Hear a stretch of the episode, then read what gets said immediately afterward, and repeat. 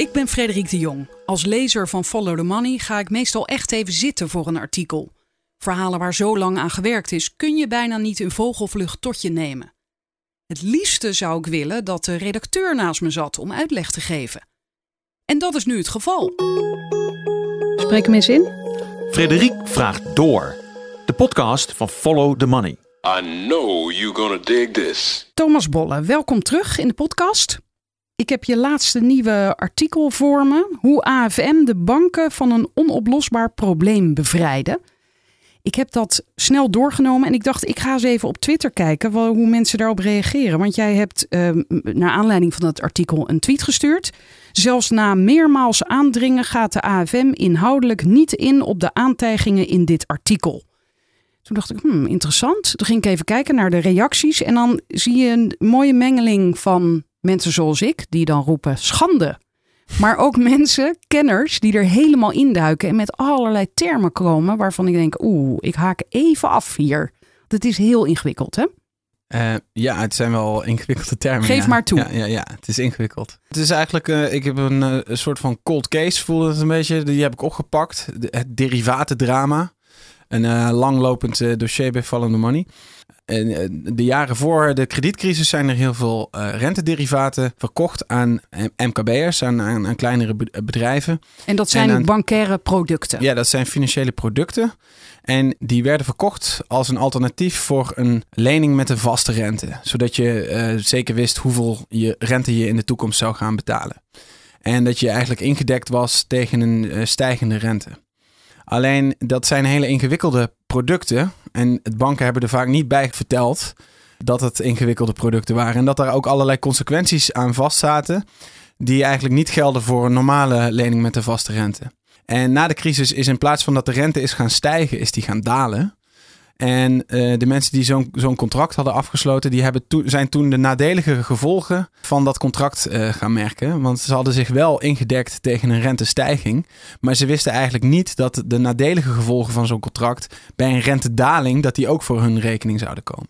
En dat, ja, nou, dat, dat dossier heb ik opgepakt. Ik ben bij de Rabobank uh, langs geweest. Want er is uiteindelijk is er een schaderegeling opgesteld. Nou, de Rabobank was nog steeds bezig om, om eigenlijk al die dossiers uh, te behandelen. Daar was, al, is nog steeds, daar? Daar zijn ze nog steeds mee bezig. Ja, dit, uh, het duurt al drie jaar, want in 2016 is die regeling opgetuigd. Ja, en dat duurt gewoon echt heel erg lang. Maar en, dit is op zich goed, hè? De, want dat ja. betekent hopelijk dat mensen die schade hebben geleden, die, die worden vergoed. Ja, ze zijn echt met... met uh, paar honderd man zijn ze nog steeds bezig. Iedere dag om die dossiers ja, te ontrafelen. En eigenlijk uh, te kijken hoeveel schade iedereen heeft geleden. En hoeveel ze vergoed krijgen. Dus het is, het is heel goed dat die regeling is opgetuigd. Alleen ik heb daarna ook nog een aantal artikelen geschreven over dat er ook wel weer wat op aan te merken is. Want er zijn ook grotere partijen en ook uh, semi-publieke instellingen zoals ziekenhuizen en scholen. Die dan weer buiten die schaderegeling vallen. En die eigenlijk dachten dat ze ook beschermd waren via de wet. Maar die nu toch uh, geen schadevergoeding uh, krijgen via deze regeling. En die D moeten, dat is zeker. Ja, die vallen daar buiten. Ik ben ook bij die, die commissie geweest die dat heeft opgetuigd, uh, die regeling. De en, politieke commissie. En dat is, die is benoemd door de minister van Financiën. En die hebben, met, dat zijn drie wijze heren geweest, drie experts. Theo Kokke en um, Ben Knuppen en Rutger Schimmelpenning, juristen en een, en een derivaten-expert die hebben die regeling opgetuigd. En die vinden ook dat het een hele goede regeling is geworden. Maar er zijn ook wel partijen die er dus buiten vallen. Die dus nog steeds hun gelijk bij de rechter moeten gaan halen. En vinden die drie wijze heren het ook goed dat die partijen er buiten vallen? Nou, zij zeggen, wij hebben aan onze opdracht voldaan. We hebben een oplossing voor het kleinere MKB uh, voor elkaar gekregen. En, en, nu is het niet meer onze taak. Als je er buiten valt, dan heb je nog steeds evenveel rechten als voordat die regeling er was. Dus je kunt je gelijk gewoon bij de rechter halen.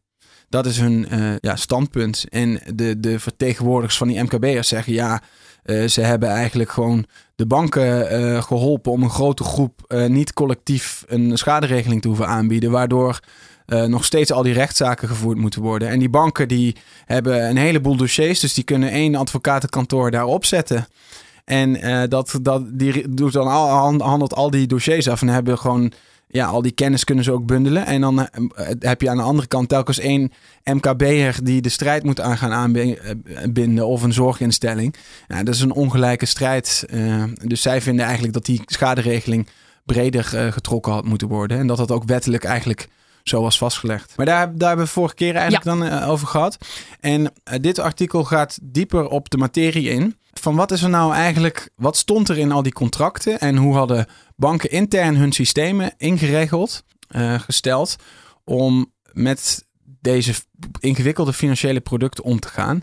En is dat allemaal wel goed gegaan? En, en ehm, ja, eigenlijk de rol die de AFM heeft gespeeld om achteraf te zeggen dat een bepaalde wet eh, niet van toepassing is. En het is, het is echt een heel inhoudelijk verhaal, maar het is eigenlijk wel de kern van wat hier eh, ja, speelt en, en speelde, speelde. En ook waar banken toch wel eh, ja, het heel telkens eromheen draaien. Dus dit is wel een beetje het, waar, waar de mist nog hangt. En daar, eh, ja, daar ben ik eh, nu mee bezig geweest. Ja, en jij zit er helemaal middenin en je kan het gelukkig ook goed uitleggen, want dat ga je straks allemaal doen. Waarom moeten andere mensen zich hier druk om maken? Nou, het is, het is, er is voor miljarden aan schade gele- geleden door MKB'ers, maar dus ook door gemeentes, ziekenhuizen, scholen. En eigenlijk maar een deel van die schade is nu uitgekeerd of, of eh, ja, is vergoed.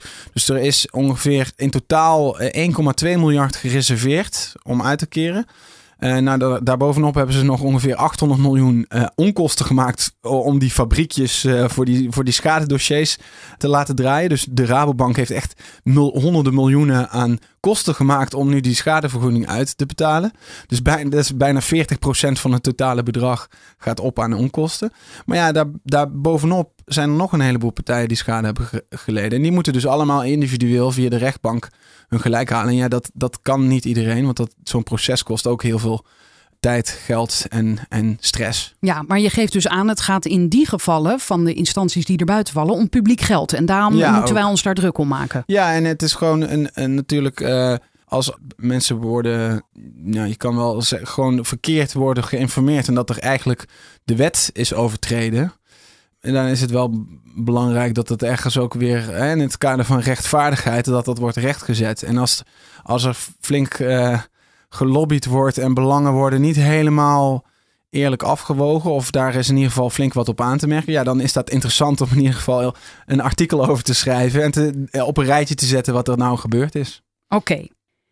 De Nederlandse grootbanken hadden zichzelf in een houtgreep gemanoeuvreerd. Ze hadden ondernemers en semi-publieke instellingen verkeerd geïnformeerd over de financiële producten die ze hen hadden verkocht.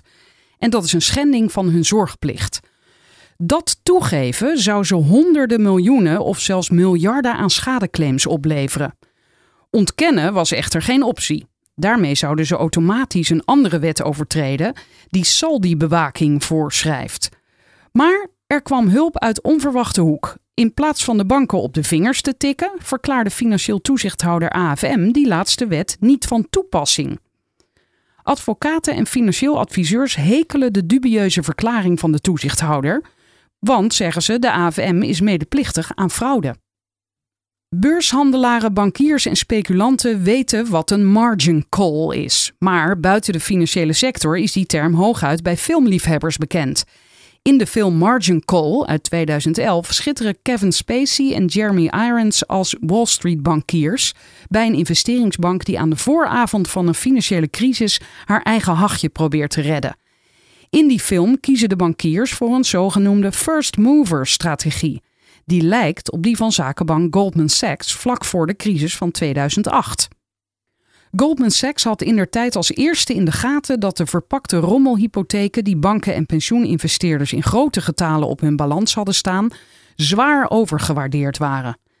Goldman begon de hypotheekproducten lager in te prijzen en verkocht er zoveel mogelijk door aan partijen die nog niet door hadden wat voor rommel het eigenlijk was. Die lagere waardering had grote gevolgen voor enkele cliënten van de bank. Zo leden de twee beleggingsfondsen van Bear Stearns verliezen die het failliet van die bank inluidden. De lagere waardering vormde voor Goldman ook aanleiding voor een enorme margin call. De bank vroeg kredietverzekeraar AIG op 26 juli 2007 maar liefst 1,8 miljard dollar op een rekening te storten. Dat geld diende als onderpand voor het virtuele waardeverlies van de hypotheekproducten die Goldman Sachs bij AIG had verzekerd. Hoewel dat geld juridisch gezien van AIG bleef, het was slechts een waarborg, brachten de betalingsverplichtingen AIG aan de rand van de afgrond. Op 16 september 2008, de dag waarop AIG de eerste 85 miljard dollar aan reddingsgeld van de Amerikaanse overheid ontving, bedroeg de margin call van Goldman al meer dan 10 miljard. Andere banken, waaronder de Rabobank, hadden daarbovenop inmiddels margin calls van bij elkaar 23 miljard geplaatst. De verzekeraar had uiteindelijk 182 miljard dollar belastinggeld nodig om de crisis te overleven. Oké, dus simpel uitgelegd. Flink wat geld dat naar AIG moest, omdat, uh, omdat die producten minder waard werden. En eigenlijk omdat uh, Goldman Sachs begon met margin calls uitvoeren. En dat uh, ga je nu lezen wat dat dan precies inhoudt. Een margin call is niets anders dan een dringend verzoek om een waarborgsom te storten. De bank monitort op dagelijkse basis de virtuele waarde van de beleggingsportefeuille van haar klanten. Wanneer er betalingsverplichtingen kunnen voortvloeien uit de koersontwikkelingen, bijvoorbeeld wanneer de waarde onder een bepaalde grens zakt, vraagt de bank om extra onderpand. Daarmee elimineert de bank het risico dat zij opdraait voor restschulden van klanten wanneer die hun onverhoopte beleggingsverliezen niet kunnen dragen. In zo'n geval wint de bank de verstrekte zekerheden uit, net zoals ze een huis of bedrijfspand verkoopt wanneer de hypotheek niet meer wordt betaald. De problemen bij AIG ontstonden niet vanwege die margin call op zich, want die is binnen de bankaire wereld immers de normaalste zaak van de wereld. Het was de hoogte van de borgstelling die de verzekeraar compleet verraste. Goldman Sachs nog AIG hadden zien aankomen dat de waarde van de hypotheekproducten zo plotseling en drastisch in waarde zouden kelderen. AIG trok aan het kortste eind omdat het de producten van Goldman en tientallen andere banken had verzekerd. De marginverplichtingen die Goldman bij AIG had afgedwongen, zorgden ervoor dat de zakenbank de crisis rustig kon uitzingen. Oké, want Goldman had dus die producten uh, laten verzekeren door AIG. Ja. ja. En dit is eigenlijk, dit is alleen een voorbeeld van dat dit, dit is een, een, een margin call is eigenlijk een normale praktijk in de financiële wereld. En die margin call uh, die speelt dus ook een hele uh, belangrijke rol in dit uh, derivatendrama. Maar wat het, wat het is, is dat je als je gaat beleggen in die financiële producten, dus ingewikkeldere producten, die ook bijvoorbeeld zo in waarde kunnen dalen dat je eigenlijk een restschuld zou overhouden aan je product. Dan wat, wat de andere partij, dus in dit geval de bank, dan doet. Die zegt van ja, uh, je hebt die producten, ze beginnen nu uh, in de min te raken. Uh, wij willen niet dat jij straks failliet gaat en dat je ons niet kan betalen. Dus vragen we je alvast om op deze rekening een geldsom te storten.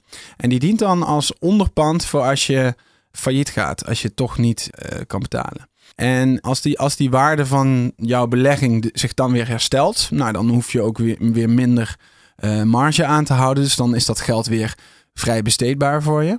Maar op het moment dat bijvoorbeeld die waarde nog verder onderuit gaat en jij kan niet meer extra marge bij storten, dan liquideert, zo heet dat dan, de bank jouw positie.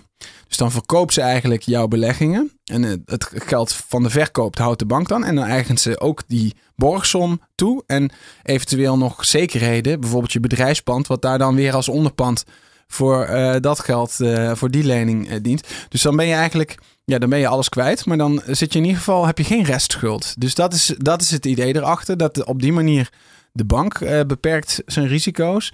Maar ook voor degene die belegt. Die kan, uh, ja, die kan wel alles kwijtraken. Maar dan, dan ben je wel ook bewust van dat je risico aan het lopen bent. Want je moet telkens bijstorten. En dan weet je ook wat ik bijstort. Als het nog verder omlaag gaat, dan is het, ben ik het misschien wel allemaal kwijt. En in die zin is het, zoals je inderdaad schrijft, vergelijkbaar met een hypotheek. Als je het niet meer kunt betalen, dan heeft de bank als onderpand jouw huis. Ja, precies. En dat, is, dat geld op die rekening, dat is dus ook dat geldt als onderpand. Maar goed, dat moet je dan wel in huis hebben. Als je zo'n zo'n margin call krijgt, dan moet je dat wel hebben. AIG, die verzekeraar, die had dat dus niet in huis. Want die hadden al die producten verzekerd bij die banken. Die dachten dat gaat nooit in, uh, zo in waarde kelderen. En toen zeiden die banken, uh, nou ja, de waarde is zoveel lager. Dus stort maar eventjes bij alvast. Nou, en toen ging AIG dus onderuit. En die zijn toen uh, gered door de Amerikaanse overheid. In het Nederlandse derivatendrama is iets soortgelijks gebeurd. Banken verkochten het MKB en semi-publieke instellingen, zoals jij dat net noemde, de ziekenhuizen en de scholen, voor de kredietcrisis massaal rentederivaten.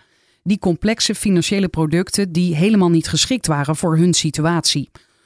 De banken verkochten die derivaten als alternatief voor een lening met een vaste rente en zeiden tegen hun klanten dat het voor hen de beste manier was om zich in te dekken tegen stijgende financieringskosten. Maar niets bleek minder waar. Duizenden MKB'ers kwamen dankzij die derivaten in financieel zwaar weer terecht toen de rente na de crisis sterk daalde. Als gevolg van die dalende rente ontwikkelden de derivaten een substantiële negatieve waarde, iets waarvan de meeste ondernemers niet eens wisten dat dat kon gebeuren. Want daarover hadden de banken nooit verteld. De banken incasseerden prachtige marges op de verkoop van die derivatencontracten, maar hadden zelf ook een groot probleem toen die rente na de crisis flink daalde. Zij hadden hun MKB-klanten massaal opgescheept met een complexe beleggingsportefeuille die op papier dik in de min kwam te staan. En dat is niet zonder consequenties voor de bank. Op grond van de Wet op het Financieel Toezicht, de WFT, zijn banken bij dit soort financiële producten verplicht erop toe te zien dat cliënten over voldoende saldi beschikken om te kunnen voldoen aan de actuele verplichtingen die uit hun posities kunnen voortvloeien. Met andere woorden, ze waren wettelijk verplicht om dagelijks de waardeontwikkelingen van de derivatencontracten en de saldi, dus de tegoeden van de klant, te monitoren. Wanneer die saldi ontoereikend waren om de negatieve waarde van de derivatencontracten af te dekken, moesten de banken een verplichte margin call uitvoeren bij die ondernemers. Dat gebeurde allemaal midden in de crisis, juist op het moment dat veel ondernemers alle zeilen moesten bijzetten om hun bedrijf overeind te houden. Ja, precies. Dus uh, sommige ondernemers hadden dat geld waarschijnlijk niet. Nee. Dus die kregen dan een margin call en die zeiden: Ja, sorry. Nee, dat, dat, dat ging dus op, niet op die manier. Want de banken hadden ook wel door dat als ze dat zouden gaan doen, net zoals ze bij, als Goldman bij AIG uh, ging doen, dat dat wel. Uh, op heel veel weerstand uh, zou stuiten. Maar eigenlijk wat, wat belangrijk is, is als je gewoon een, een lening met een vaste rente neemt, dan moet je waarschijnlijk ook onderpand leveren. Want dan zegt de bank, nou, we willen je wel een miljoen uitlenen, maar dan moet je wel ook, jouw bedrijfspand is dan onderpand voor die lening en dan betaal je zoveel vaste rente. Maar dat is één contract. En als jouw onderpand bijvoorbeeld in waarde daalt, want de huizenprijzen zijn natuurlijk ook, of de prijzen van een bedrijfspand zijn ook niet altijd constant, dus dat fluctueert wel wat. Maar de bank uh, die schat dat dan uh, ruim in. Hè? Dus je stort vaak, je hebt al meer onderpand, jouw, jouw bedrijfspand is waarschijnlijk meer waard dan de lening die je hebt gehad. Maar daar wordt niet dagelijks bijgehouden hoe die prijzen dan fluctueren. Maar wat ze nu hadden verkocht was een, een lening met daarbij een los derivatencontract, renteswap. En dat zijn eigenlijk twee losse contracten. En dan, en dan verkochten ze het van, nou samen heb je ongeveer hetzelfde effect. Maar omdat het twee losse contracten zijn en dat derivaat, zo'n renteswap is zo'n ingewikkeld financieel product, daar gelden andere regels voor.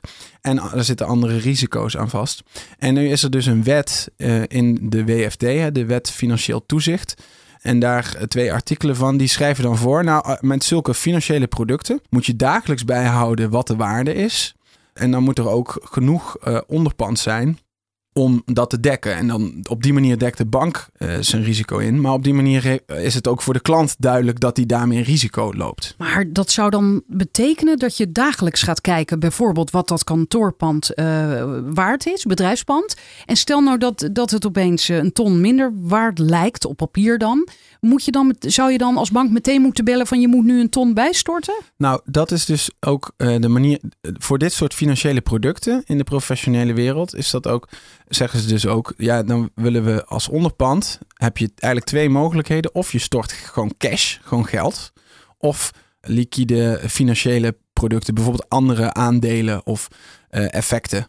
Dus dat zijn eigenlijk de twee type, uh, ja, dus, dus... Maar als extra marge, dus dan wordt dat het margebedrag steeds groter. Of ga je, zou je inderdaad op dagelijkse basis moeten gaan zeggen: nu moet je dit bijstorten. Oh, het kan weer minder, oh, weer meer. Dat ja, is niet dus te doen, toch? Dat, ja, maar dat gebeurt in de professionele wereld wel. Dan wordt dus dagelijks wordt hmm. dat uh, uitgevoerd. En dat kan je dus hier op een andere manier hebben ze dus uh, bepaalde limieten afgesproken. Maar goed, als het, als het boven een bepaalde limiet gaat, ja, dan wordt het wel.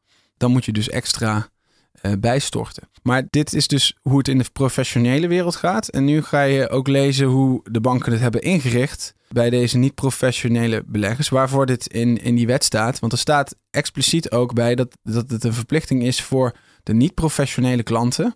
En dat je alleen een uitzondering mogen maken voor grotere professionele partijen. Maar daar is hier geen sprake van. Nee. Helder.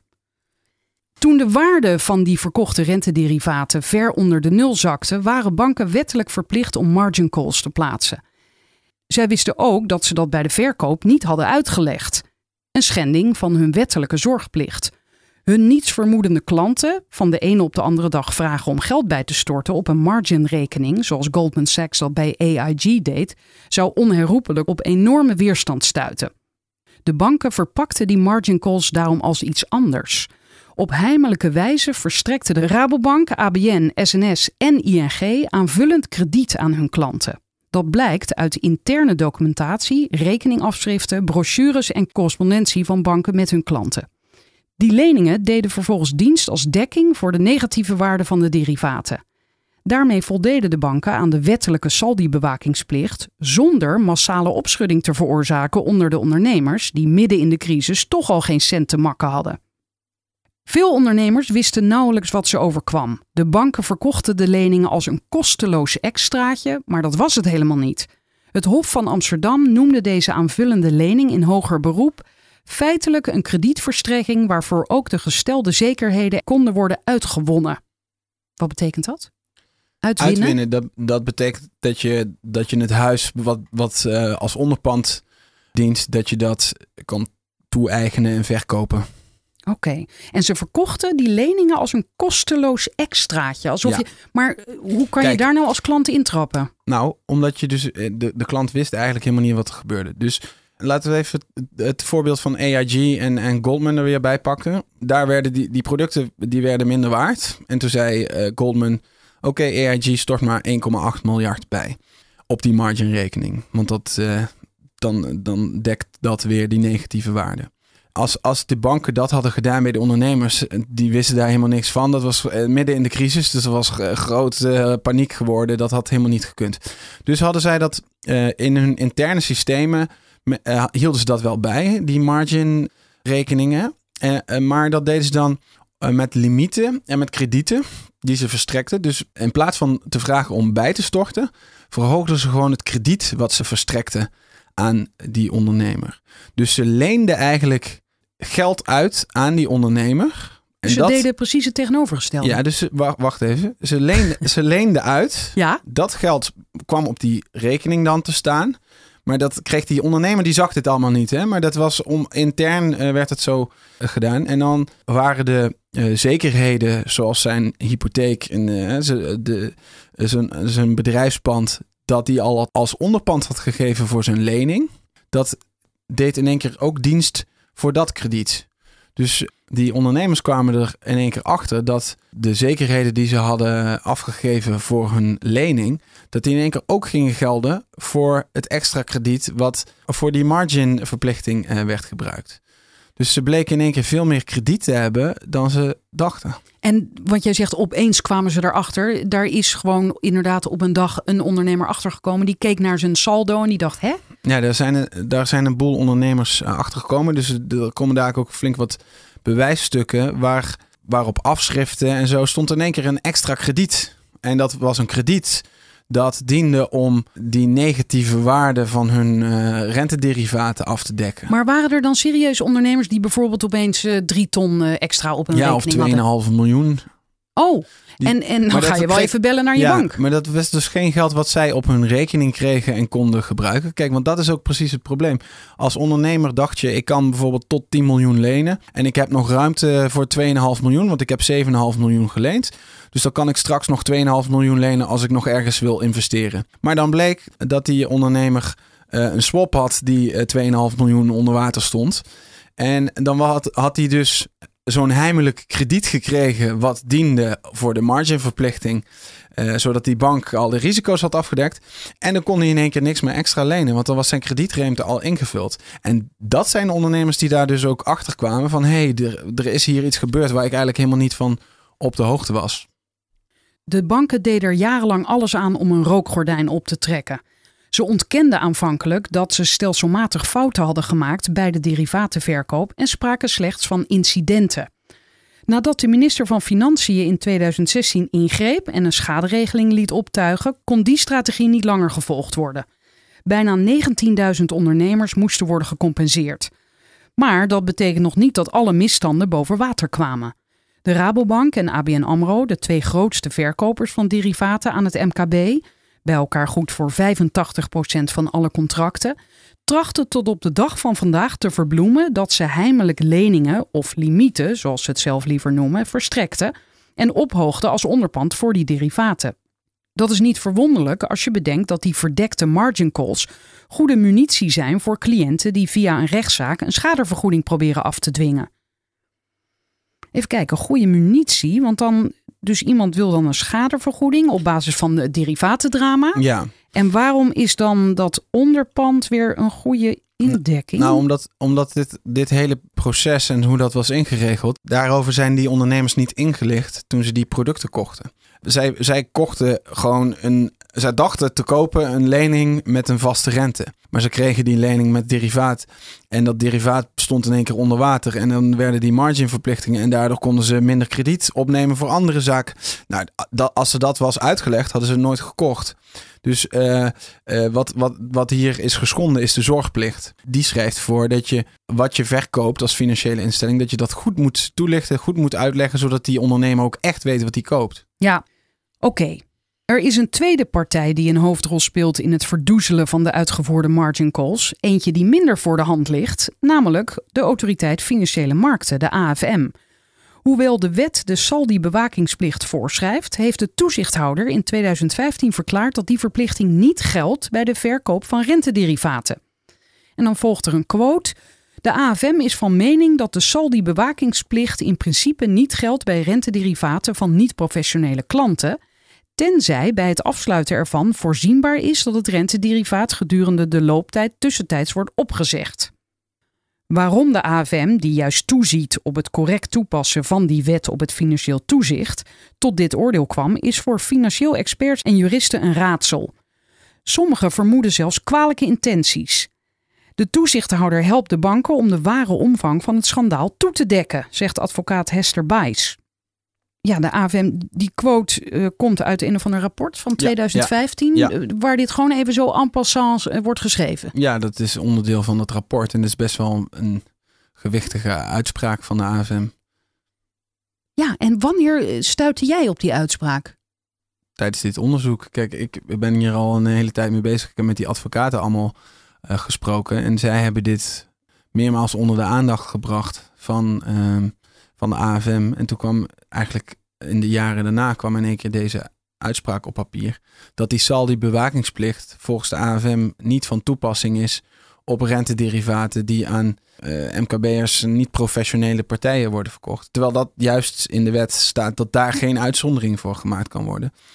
Waarom verklaart de, of verklaarde in 2015 de AFM dit? Lezen zij de wet dan anders? Ja, ja, zij leggen eigenlijk die wet heel anders uit dan de, de advocaten waar, waarvan Hester Bice het meest fanatiek is. Ja, het, het is, dat is heel opmerkelijk. Want in die wet, er staat ook een uitzonderingsregel bij die wet. Dat die namelijk uh, uh, voor professionele klanten uh, niet hoeft te gelden. Maar dat die juist voor niet-professionele klanten wel geldt. En voor financiële instrumenten, waaronder ook rentederivaten genoemd zijn. En als je ook uh, nadere toelichtingen leest op hoe, wat dat dan betekent, staat ook heel duidelijk uitgelegd dat uh, je met margin calls die waarden op dagelijkse basis moet monitoren en dat dat met elkaar uh, in evenwicht moet zijn. op het moment dat de waarde te laag is van, van de, de, het geld op die rekening, dat er dan bijgestort moet worden. Dus eigenlijk die, wat er in die wet staat, dat leek heel erg duidelijk. duidelijk. Maar de AFM heeft toch gezegd: het is anders. En terwijl het ook heel duidelijk is dat banken het wel deden. Dus banken. Het, het en dat wist de AFM ook. Dat wisten ze ook. Dus toen, toen ook. Dat wisten ze toen ook al, ja. En die, uh, die, die uitspraak is heel bepalend geweest hoe banken er vervolgens mee om zijn gegaan. En um, ja, het, wat, wat nu ook in het artikel uh, naar voren komt, zijn alle bewijsstukken die de AFM al in handen had voordat ze deze uitspraak hmm. deden. Want dit zijn veelal documenten die al voor die tijd uh, bij de AFM eh, bekend waren. Want die, die hebben die advocaten eh, en, en MKB-adviseurs, financieel experts, hebben die voorgelegd aan de AFM. En die hebben, die hebben die nu ook aan mij voorgelegd. Van kijk, dit heeft de AFM allemaal gezien voordat ze die uitspraak deden. Op 15 maart 2015 spreekt een treasury-specialist van de Rabobank de voicemail in van een ondernemer wiens rentederivaten negatieve waarde hebben. Vandaag is geconstateerd dat het afgesproken bedrag, de limiet die u heeft afgesproken met de bank, is overschreden. Wettelijk dienen wij dit manco binnen vijf dagen op te lossen. Ik hoop dat de opties voor u duidelijk zijn. Hij legt vervolgens uit dat het afgesproken bedrag, tussen aanhalingstekens, de term die de Rabobank gebruikt voor het krediet dat ze verstrekt aan klanten met een rentederivaat dat onder water staat, verhoogd moet worden. De Treasury specialist vertelt dat de bank genoodzaakt is een unwind te plaatsen als de klant niet binnen die termijn van vijf dagen, zoals voorgeschreven in artikel 86 van die wet, akkoord gaat met de verhoging. Hij dreigt dus feitelijk het contract van de klant te ontbinden. De kosten daarvan zijn voor rekening van de klant, ligt hij droogjes toe. Was dit dan de eerste keer dat zo'n klant daarmee werd geconfronteerd, zo'n ondernemer? Uh, dit was uh, een voicemailbericht, dus dit was uh, makkelijk terug te, te luisteren. Oh, ja. en, en het is ook, kijk, die, die Rabobank-medewerker die verwijst ook heel duidelijk naar die wet. Dit is een treasury specialist, dus dat is een expert op dit gebied. Die kent die wet, die weet dat binnen vijf dagen moet er uh, bijgestort zijn of moet dat afgesproken bedrag omhoog. Want al die banken hadden een eigen term daarvoor. Dit, bij de Rabobank heet het het afgesproken bedrag. En dat is een limiet. En tot dat limiet hadden ze dus eigenlijk al intern dat ingeregeld. Hè? Is een intern risicolimiet van de Rabobank. Maar op het moment dat die waarde daadwerkelijk negatief werd. Dus ze hebben van tevoren al gezegd: oké, tot die waarde kunnen we prima aan hem uitlenen. Stel dat dat een ton is. En die negatieve waarde die daalt nog verder. Dus hij krijgt krediet ter waarde van een ton. Maar dan is het rentederivaat staat 110.000 in de min.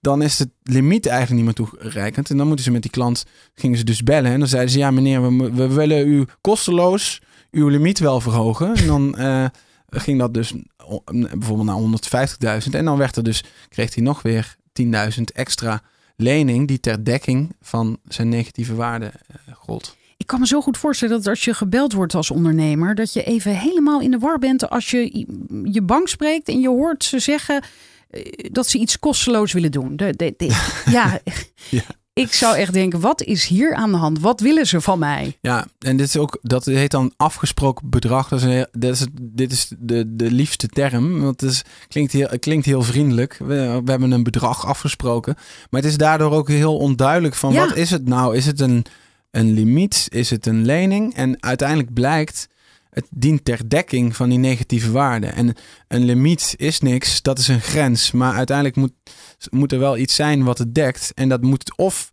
eh, effecten zijn, of dat moet cash zijn. En ja, als je een lening verstrekt, dan heb je cash wat als onderpand dient. En dan stonden vervolgens stonden al zijn andere zekerheden, zijn, zijn hypotheekrechten uh, van zijn bedrijf, uh, die stonden weer als onderpand van die lening. Dus zo was alles aan elkaar gekoppeld. En die ondernemer die dacht gewoon, ik heb gewoon een financiering en dat is zoveel. En daar heb ik het renterisico van afgedekt. Ja, en ze gebruiken dus die term afgesproken bedrag, maar ook die term, die had ik nog niet gehoord. Uh, de bank is genoodzaakt een unwind te plaatsen. Ja. Wat is dat ja, dan weer? Unwind betekent gewoon dat ze het contract ontbinden. Oh, Dus, dus hij, hij zegt, want dat staat ook in die we gaan wet. je keihard aanpakken. Dat, dat is even in ja, gewone mensen staat taal. eigenlijk gewoon, als die marginverplichting uh, niet wordt uh, bijgestort, Dan, dan is het klaar. Dan, dan moeten we het contract ontbinden. En dat is ook wat er in de wet staat. Ja, hier schrijf jij, de Rabobank gebruikt inderdaad die term afgesproken bedrag. De SNS noemde het gewoon wat het is, een obligo of obligo? Obligo. obligo. Oh, een, een obligo of derivatenkrediet. Maar ook ING en ABN hadden hun eigen terminologie ontwikkeld. ING noemde de allowance faciliteit. En ABN AMRO sprak van de OBSI-limiet. Ja, en bij die ABN is het dan weer een limiet. En daar is het ook niet... Uh, daar zijn niet zulke bewijsstukken dat het uiteindelijk ook een echt uh, krediet werd. Maar bij die, dat afgesproken bedrag, die allowance faciliteit, is heel duidelijk dat daar ook kredietovereenkomsten waren. Klanten van deze banken wisten vaak niets van het bestaan van zo'n kredietlijn of risicolimiet. Laat staan dat ze wisten hoe het feitelijk een kredietfaciliteit was die als dekking voor hun derivatenportefeuille diende en welke implicaties dat had. Bij nieuwe kredietaanvragen of kredietrevisies namen de banken dit bedrag mee als buiten de balans blijkende verplichtingen. Ik zou wel eens willen spreken met de mensen die dit soort termen bedenken. De taalkunstenaars zijn ja, dat. het is wel taalkunst, maar het is ook een rekenkunst. En het is heel kwalijk het een natuurlijk. staat op de balans, het ander niet. Het hoeft niet allemaal kwalijk te zijn. Eh, als het goed is uitgelegd, Ja, maar dan dat, is het dat is gewoon niet heel gebeurd. duidelijk. Maar dat is precies het probleem. Het is niet goed uitgelegd. En nu wordt er nog steeds niet goed uitgelegd. En daardoor is het, daardoor is het ook, vind ik wel heel interessant. Omdat er, er zijn dus allerlei brokjes bewijzen waaruit blijkt dat het werd toegepast. Maar achteraf zijn ze het gaan ontkennen dat het werd toegepast. En de een ontkent het harder dan de ander. En ze noemen het allemaal anders. Dus het is een beetje puzzelen van wat is het nou economisch gezien? Is het financieel gezien? En wat is het dan de juridische status? Is het een limiet, een krediet? Eh, is het goed vastgelegd? Zijn, eh, heeft die onder, ondernemer, eh, had hij dit moeten weten? Of, eh, of is, had hij dit helemaal niet kunnen weten? Ja, dat, dat zijn een beetje de, de vraagstukken. En ik word nu zo achterdochtig dat ik me afvraag: zouden die banken onderling ook hebben afgesproken? Gebruik jij die term, dan gebruiken wij die term, dan is, wordt het allemaal nog mistiger. Dat weet ik niet. Jammer. De Rabobank en ABN AMRO verklaren schriftelijk tegenover FTM dat de negatieve waarde van de derivaten geen enkele invloed heeft gehad op het risicoprofiel en de kredietruimte van klanten.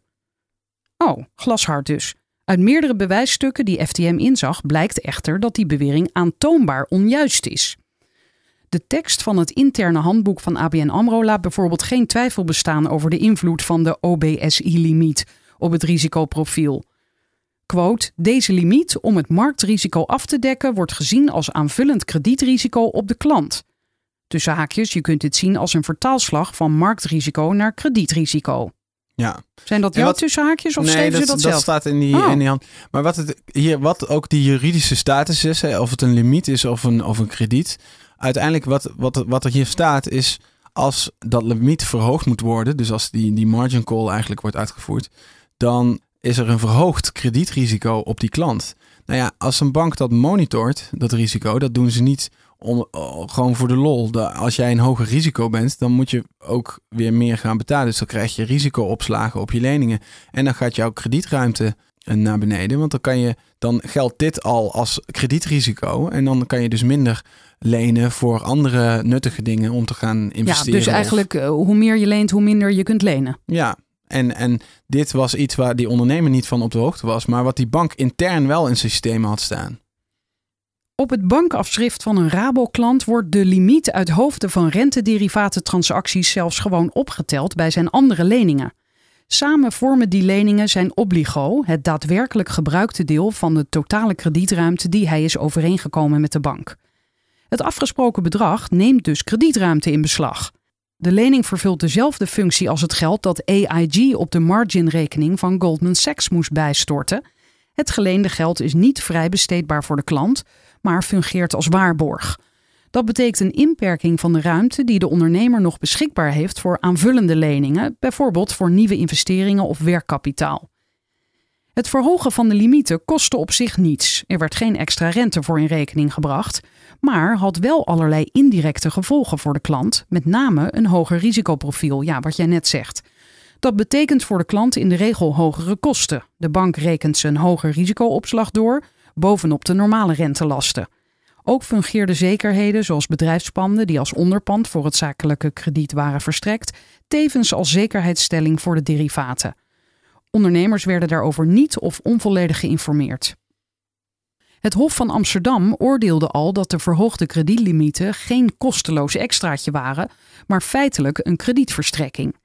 En de advocaat-generaal bracht op 8 maart een advies uit aan de Hoge Raad waarin hij de risico's van die margin call voor klanten benoemt.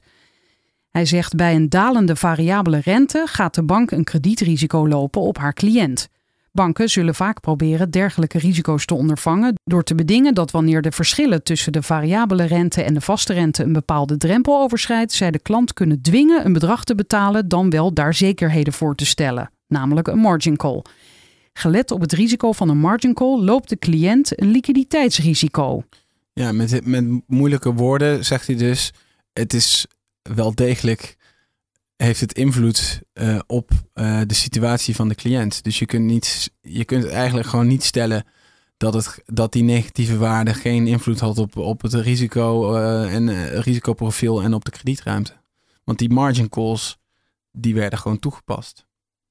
Ja, Klanten die eenmaal in de problemen zaten, ging het van kwaad tot erger. De bank was altijd een vertrouwenspersoon, een partner waarmee we samenwerkten. Klinkt raar dat nu te zeggen, want inmiddels weet ik, het zijn de grootste boeven die er zijn. Dat zei een vastgoedondernemer onlangs tegen FTM in een terugblik op zijn persoonlijke derivatendrama. Als gevolg van de negatieve waarde van de derivaten, de bijbehorende margin calls, hogere risicoopslagen en inperking van hun kredietruimte, kwamen sommige ondernemers zelfs in bijzonder beheer terecht. Dat bracht vervolgens ook weer extra kosten met zich mee. Advocaten Hester Buijs en Chantal van den Borne, MKB-adviseurs Patrick van Gerwe en Frank Wijn en Pieter Leijensen, voorzitter van Stichting Renteswap Schadeclaim, schreven talloze mails aan de AFM waarin ze met praktijkvoorbeelden lieten zien hoe de banken verdekte margin calls uitvoerden. Ze droegen talloze concrete bewijsstukken aan van de limietverhogingen en de gevolgen daarvan. De advocaten en adviseurs zijn stuk voor stuk teleurgesteld in wat de toezichthouder met hun meldingen heeft gedaan. En dan volgt er een groot grijs blok. Aanhoudende kritiek op de AFM. Ja, dat is wel de moeite waard. Oké.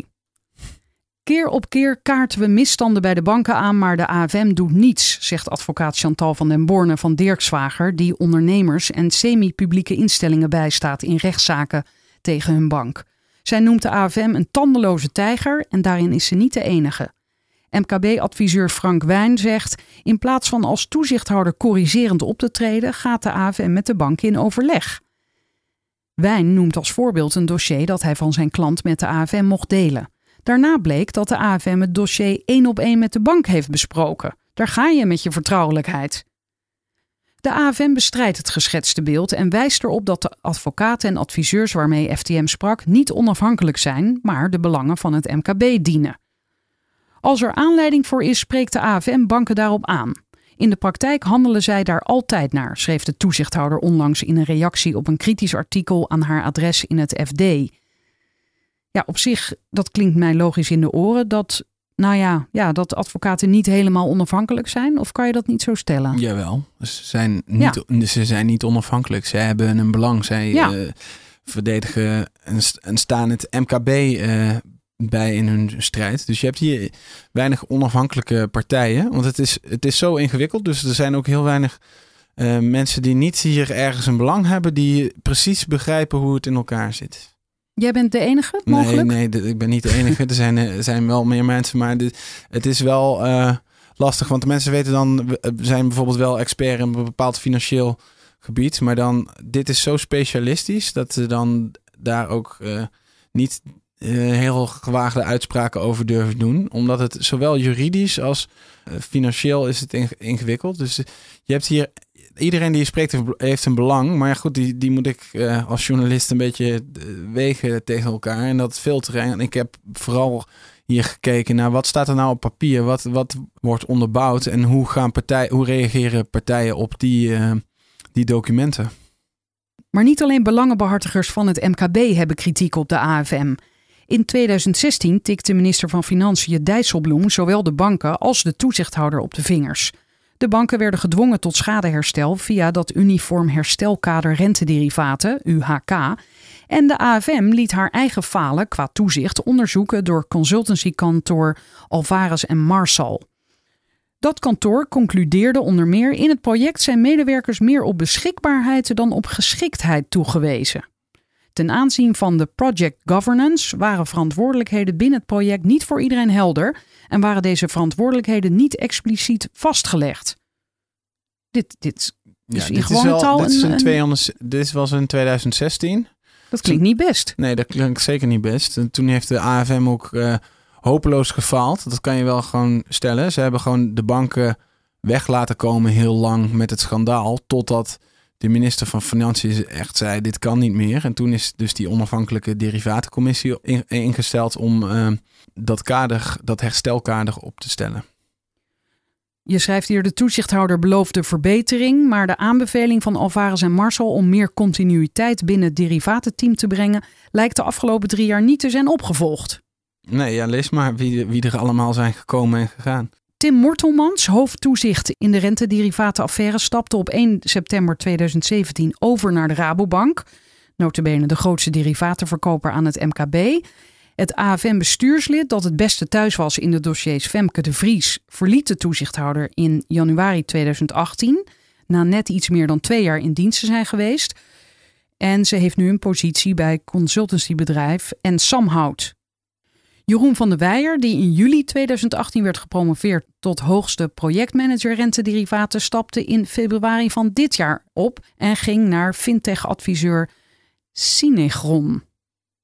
De draaideur aan de Vijzelgracht te Amsterdam maakt overuren en de AFM lijkt een structureel probleem te hebben om expertise vast te houden. In juli van dit jaar plaatste de AFM opnieuw een externe advertentie voor een analist rentederivaten.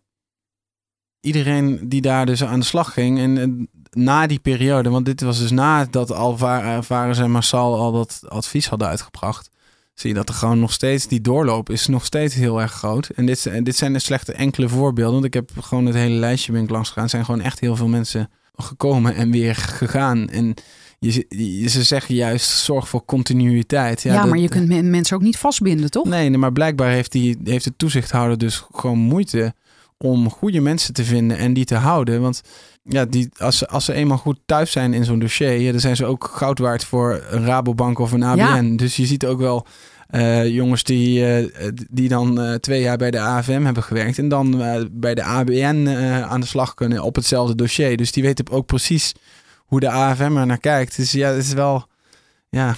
Jij zegt nu jongens, is het ook echt een mannenwereld? Er zijn wel veel mannen, maar er zitten ook wel wat vrouwen daar hoor. Ja. De ernstigste aantijgingen aan het adres van de AFM komen van advocaat Hester Baes, die verscheidende ondernemers en semi-publieke instellingen bijstaat in rechtszaken tegen hun bank. Baes zegt de AFM is stilzwijgend betrokken geraakt bij fraude. Zij wil dat de AFM een beruchte passage uit de rapportage rentederivaten dienstverlening aan het MKB van maart 2015 intrekt en rectificeert. Die passage gaat over de vraag of banken nu wel of niet gebonden zijn aan de wettelijke saldi-bewakingsplicht. De toezichthouder zegt daarover: de AFM is van mening dat de saldi-bewakingsplicht in principe niet geldt bij rentederivaten van niet-professionele klanten, tenzij bij het afsluiten ervan voorzienbaar is dat het rentederivaat gedurende de looptijd tussentijds wordt opgezegd. Dit is toch die quote die ik net ook al las? Ja, dat is dezelfde quote. Oh. Ja, dit is wat er in dat rapport staat. En zij wil dat dat herschreven wordt. De AFM schrijft voorts dat de saldi-bewakingsplicht normaal gesproken niet in het belang is van de klant die een rentederivaat heeft afgesloten in combinatie met een krediet. Met die laatste opmerking is Baes het eens. Ze zegt met onze meldingen hebben we dat punt in elk geval overgebracht op de AFM. Dat de toezichthouder vervolgens stelt dat de saldi-bewakingsplicht daarom niet zou gelden bij rentederivaten van niet-professionele klanten, noemt ze pertinent onjuist. Het doet volgens haar groot onrecht aan de nadelige gevolgen die ondernemers er jarenlang van ondervonden. Van den Borne, Van Gerwe, Wijn en Leijsen zijn een vergelijkbare mening toegedaan. Baes zegt de conclusie die de AFM hieruit had moeten trekken is dat de banken ondernemers niet hebben ingelicht over de geldende saldi-bewakingsplicht. De producten hadden onder deze omstandigheden nooit verkocht mogen worden aan het MKB en semi-publieke instellingen. In de wet staat immers dat banken alleen een uitzondering mogen maken voor professionele beleggers. De saldi-bewakingsplicht is dus juist van toepassing op niet-professionele beleggers. Ook staat er niets in de wet over koppelingen met andere producten, waardoor de verplichting niet zou gelden. Opmerkelijk is ook dat de AFM vijf maanden voordat ze verklaarde dat de saldi-bewakingsplicht niet geldt, al wel wist dat de banken die saldi-bewaking standaard toepasten inclusief de verborgen kredietverstrekkingen. Op 16 oktober 2014 schreef de AFM in een e-mail aan Frank Wijn: Gedurende de looptijd wordt de actuele marktwaarde van de swap vergeleken met de derivatenobligo. De bank houdt dus vanaf de start van het derivaat al rekening met de mogelijke negatieve waarde die de swap in de toekomst kan ontwikkelen in de vorm van een obligo, dat eveneens vanaf de start al onderdeel uitmaakt van de totale financiering. Dit derivatenobligo is een intern obligo en wordt niet vermeld in de met de klant afgesloten kredietovereenkomst. Hè? Dit is letterlijk. Ze zeggen het letterlijk dus. Ja, ze, ze, zijn duidelijk op de hoogte dat dit op die manier wordt, wordt bijgehouden. En dat, het, eh, dat dus zal die bewaking wordt toegepast. Maar kan je dat dan nu nog ontkennen? Nou, zij, de, kijk, de AFM ont, ontkent dat die plicht er geldt. En dan is de volgende vraag: ja, maar als, als die verplichting er niet is, deden die banken dat dan puur om hun eigen risico's af te dekken? Deden ze dat eh, vrijwillig? Ja, nou ja, dat, eh, dat is dan ja, eigenlijk het, het volgende vraagstuk. Alleen voor die, die banken, die ontkennen dus ook deels dat ze dat toepasten. Dus het is, eh, het is een heel spelletje van ontkennen. Wat ontken je wel, wat ontken je niet. En ja, nu, die passage die nu komt, daar blijkt ook uit dat het gewoon allemaal niet zo eenduidig is. Bice vindt dat de AFM met de verklaring haar hoofdtaak verzaakt. Consumenten en bedrijven beschermen tegen financiële instellingen die hen op oneerlijke of onduidelijke wijze behandelen. De timing van de verklaring, maart 2015, maakt de kwestie extra brisant. De AFM gaf die verklaring immers pas af nadat de banken de margin calls al hadden uitgevoerd. De gedupeerde ondernemers hadden dus geen baat meer bij deze AFM-verklaring. Alleen de banken sponnen er garen bij. Dat zit zo. De banken zaten gevangen in een onoplosbaar vraagstuk, een catch-22. De zorgplicht schrijft voor dat je de klant goed uitlegt hoe financiële producten werken. Wie saldi-bewaking toepast, moet dat bij de verkoop dus goed uitleggen. Banken pasten die saldi-bewaking toe, maar hadden die zelden adequaat aan hun klanten uitgelegd. Ondernemers die dat in de rechtszaal hard kunnen maken, hebben daarom een goede kans op schadevergoeding. Om massale schadeclaims te voorkomen, hadden de banken er baat bij te ontkennen dat ze saldi-bewaking en bijbehorende margin calls op grote schaal toepasten. Wie iets niet doet, hoeft het immers ook niet uit te leggen. Dat zou de overtreding van de zorgplicht afzwakken. De saldi-bewakingsplicht, zoals in de wet staat, gooit echter roet in het eten. Wie ontkent dat hij saldi-bewaking toepast, overtreedt immers de wet. Ja, dus Ja. dat is eh, heel ja, lastig. Ja, want als ze zeiden dat deden we niet, maar het was wel verplicht, die saldi-bewaking. Ja, dan had je dus meteen die wet eh, overtreden.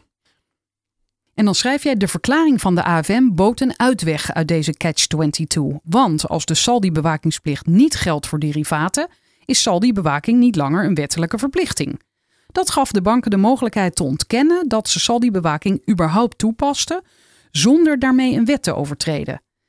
Met deze foutieve uitleg van de wet plaveide de AFM een ontsnappingsroute voor de banken die ze eerst niet hadden, zegt Bice. Banken ontkennen nu de saldi-bewakingsplicht en de verborgen kredieten die ze verstrekten. Ze verschuilen zich daarbij achter de verklaring van de AFM. Ja, en dat begrijp ik ook dat ze dat doen. Bedankt AFM voor deze uitweg. Ze doen het niet allemaal. Oh. FTM nam de proef op de som en vroeg de banken hoe zij invulling gaven aan die saldi-bewakingsplicht. De Rabobank en ABN AMRO maken in hun antwoorden handig gebruik van de vrijwaring die de AFM hen had verschaft. Hoewel documentatie en praktijkvoorbeelden aantonen dat beide banken saldi-bewaking toepasten, ontkennen ze nu dat die wettelijk verplicht was. De Rabobank schrijft in een brief aan een niet-professionele klant, begin 2017 nog, om een eventuele negatieve marktwaarde te kunnen betalen bij een tussentijdse beëindiging van een transactie, is Rabobank bereid om een bestaande kredietfaciliteit uit te breiden of een nieuwe kredietfaciliteit te verstrekken tot maximaal het bedrag van de derivatenlimiet. Dit doen wij in het kader van de saldi-bewakingsplicht. Oh, toen zeiden ze het hardop. Ja, dus. dus het is het hardop. Ja, En Maar- dan nu? ja, maar aan Follow the Money schrijft Rabobank. De saldi-bewakingsplicht uit de wet is als uitgangspunt niet van toepassing op renteswaps, zoals bevestigd door de AFM en de minister van Financiën. Rabobank heeft dus niet in strijd met de wet gehandeld. ABN AMRO schrijft. ABN AMRO stelt zich op het standpunt dat deze saldi-bewakingsplicht niet geldt voor renteswaps in combinatie met een variabel rentende lening. Des te opmerkelijker is het daarom dat, de, dat Nederlands grootste bank zich niet achter de toezichthouder verschuilt. In tegenstelling tot ABN AMRO en Rabobank erkent de ING de saldi-bewakingsplicht wel. Zij zeggen als een klant over onvoldoende saldi beschikt, ziet de ING erop toe dat de klant zekerheden stelt waaruit die verplichtingen kunnen worden voldaan. Dit is de wettelijke marginverplichting. Aangezien een rentederivaat een financieel instrument is, geldt dit dus ook voor rentederivaten op het moment dat de tussentijdse marktwaarde negatief is. De ING laat er geen twijfel over bestaan dat dit artikel juist van toepassing is op het MKB. Want daar zeggen ze over: deze wettelijke verplichting is er niet voor professionele klanten. De groep niet-professionele klanten hebben we hiervoor een allowance faciliteiten aangeboden. Ja, hun versie afgesproken bedrag. Ja. Eh, Weten de banken dit van elkaar? Eh, Ja, van, eh, nee, wij heb ontkennen. Oh, oh, wacht eens even. Wij erkennen dit. Ik moet zeggen, toen ik dat. Ik had die Rabobank en ABN-verklaring binnen. En toen dacht ik, nou, dat zal de ING vast niet veel van afwijken. en toen kreeg ik in één keer binnen we- dat, ja, wat, wat je net hebt voorgelezen. Waaruit ook gewoon blijkt dat zij, zij zijn een stuk eerlijker naar wat er allemaal in documentatie staat. Zij erkennen dus wel dat ze hem toepasten. En dat hij ook eh, verplicht is. En net zoals de, de Rabobank dat eerder ook deed. Maar heeft dit voor de ING eh, dus grotere gevolgen? Nou, de ING is een veel kleinere partij in dit geheel. Dus Ah. kijk, ABN en Rabobank, die hebben Oh, het... het is voor hen ook makkelijker om dit ja, toe te geven. Ja, het dus. is makkelijker om... Ze hebben er minder... eh, ve- veel, zij zijn een veel kleinere partij geweest in die verkoop. ABN en Rabobank... oh ja, die hebben 85 85% van het geheel. En Rabobank heeft de helft. Dus eh, Rabobank heeft het grootste... Het is allemaal zo simpel eigenlijk, toch ook. Ja, het, het, het is heel ingewikkeld. Maar het is ook maar simpel. Het is ook, ja, de belangen zijn wel heel Ja. duidelijk. En eh, ik- ja, ik vind het wel echt heel opmerkelijk dit, dat, je, eh, dat die banken een, een eerdere documentatie, ook bij de Rabobank, je ziet gewoon dat ze het op papier praten ze erover. Ze, ze leggen uit hoe ze het hebben, hebben ingeregeld in, in hun standaard documentatie van die dikke pillen. Daar staat het gewoon. Als je zoekt, kan je het vinden. Dat is niet bij die eh, de ondernemers zo eh, naar binnen geschoven. Die hebben dat allemaal niet gezien toen ze die apparaten kochten. Maar als jij gewoon echt gaat kijken naar eh, die boekwerken en hoe, ze, hoe ze dat hadden ingeregeld, dan is gewoon duidelijk dat ze saldi-bewaking toepassen. En ze- zeggen ook, het was een wettelijke verplichting. En nu ontkennen ze dat. En, en de AFM, die, ja, die, daar- zeggen ze ook allebei van, nou, zoals de AFM ook stelt. Ja. Dus dat komt ze echt heel erg goed uit. En, eh, En hadden ze daarmee, denk je, in de gaten, of hebben ze dat, dat ze daarmee de AFM weer in een lastige eh, positie brengen? Nou, zij brengen de AFM. Kijk, de AFM moet toezien op, Ja. op dat de wet eh, wordt uitgevoerd. Als de AFM zegt dat die wet, wet niet geldt, ja, dat is Ja. voor die banken een cadeautje. Ja, precies.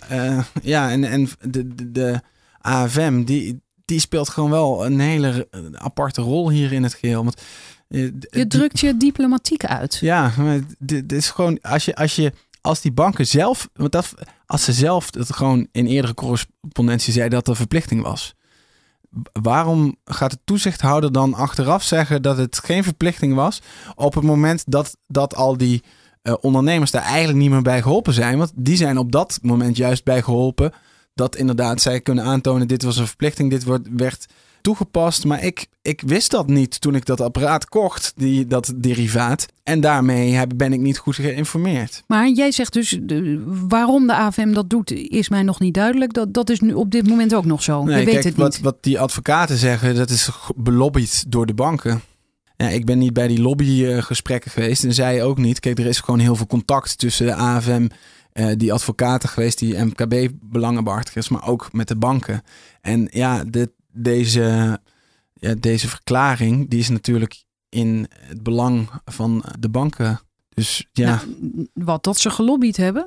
Nou, nee, die, die verklaring is in, in het belang van de banken. Dus ja, het mag, ja, van de AFM bedoel je? ja, Ja, van de AFM. Maar ja, je is er dan gelobbyd? Ja, ja. er is veel gesproken met alle partijen. Blijkbaar heeft de AFM deze afweging gemaakt. Ja, ik ga niet... eh, nee, ik, ik weet niet... niet speculeren. niet speculeren welke gesprekken er precies zijn gevoerd. Maar het is, het is wel aannemelijk dat er volop eh, gepraat is. En dat dit onderwerp natuurlijk ook eh, op tafel is gekomen. Want dit is een heel wezenlijk onderdeel van het hele probleem. En er is nogal veel geld mee gemoeid. Ja.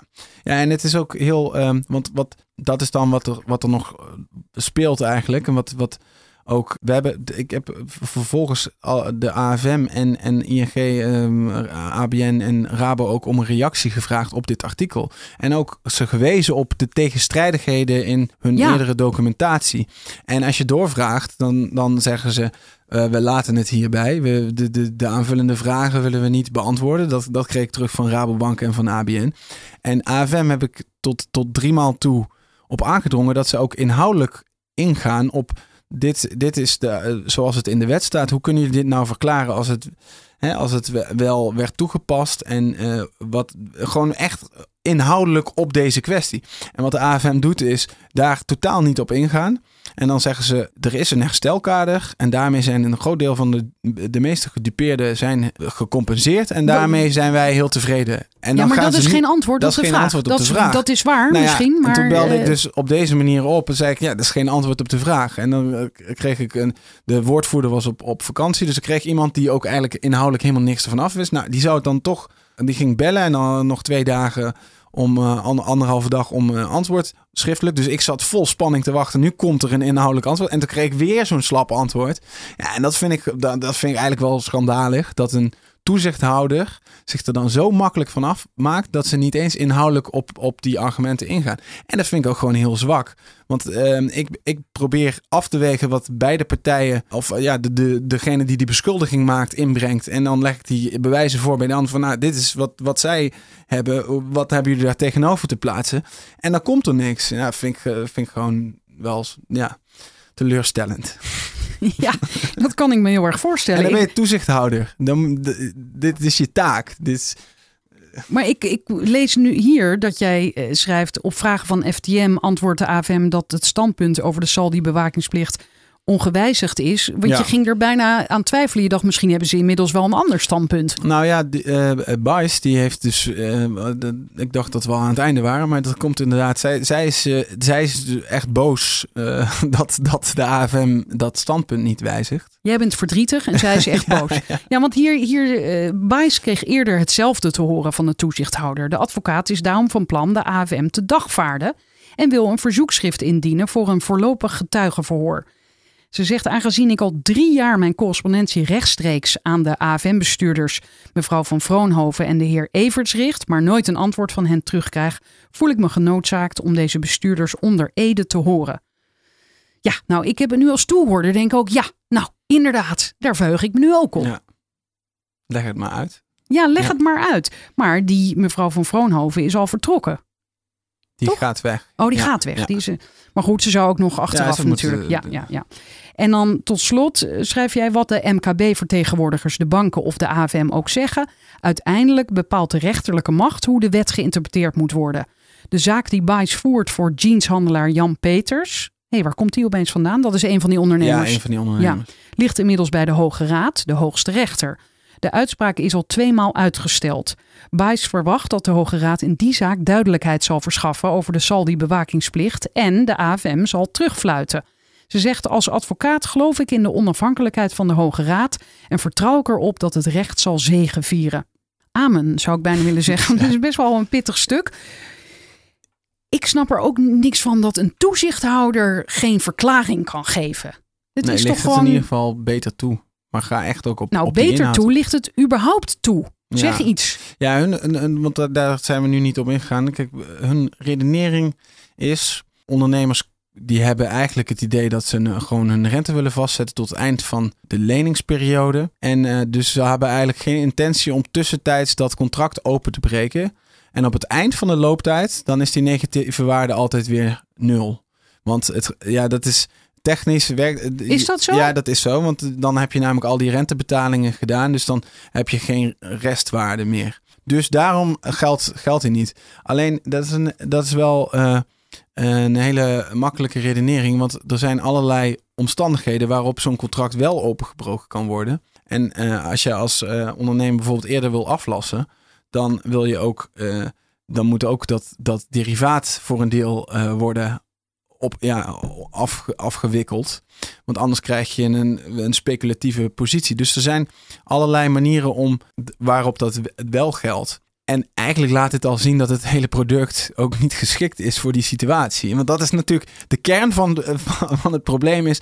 die producten die hadden nooit aan die ondernemers verkocht moeten worden. En dat is wel gebeurd. En vervolgens is de AFM lijkt het een beetje op dat ze gaan kijken... oké, maar dat was niet de bedoeling voor niemand. Dus gaan we deze wet ook niet zo letterlijk nemen zoals, zoals die er geschreven staat. Waardoor Maar- dus ondernemers gedupeerd eh, raken en blijven. ja, blijven waarin ze in ieder geval niet dit kunnen makkelijk kunnen aanvoeren als bewijs in hun rechtszaken. En ook die ziekenhuizen, die scholen en die ja, andere. al die, al die partijen. En het, en het is natuurlijk eigenlijk niet aan de AFM om zo. Het, het, het is aan de, de rechter nu. En daarom is die uitspraak van de Hoge Raad zal ook heel belangrijk zijn. Die moeten uiteindelijk bepalen hoe moet je deze wet lezen. En en- die, uit, die uitspraak is al twee keer uitgesteld. Waarom? Ja, nou ja, dat, dat weet ik niet. Maar het, misschien omdat het toch ook voor de Hoge Raad wel een flinke kluif is. Want je moet dit wel heel. Want het heeft namelijk ook hele grote consequenties.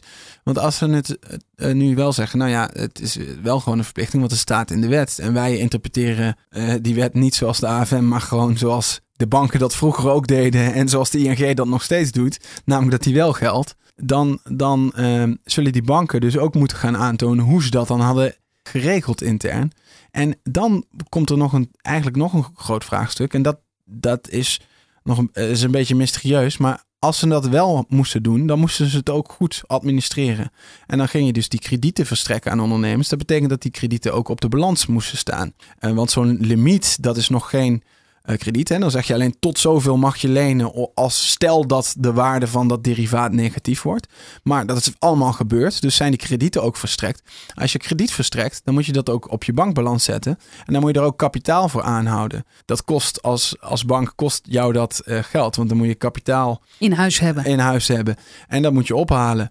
En dat was precies op het moment allemaal, net na de crisis, dat de banken in grote problemen zaten en te weinig kapitaal hadden. En staatssteun eh, bij de AB ABN was staatsbank geworden. ING had een groot pakket van sta- staatssteun.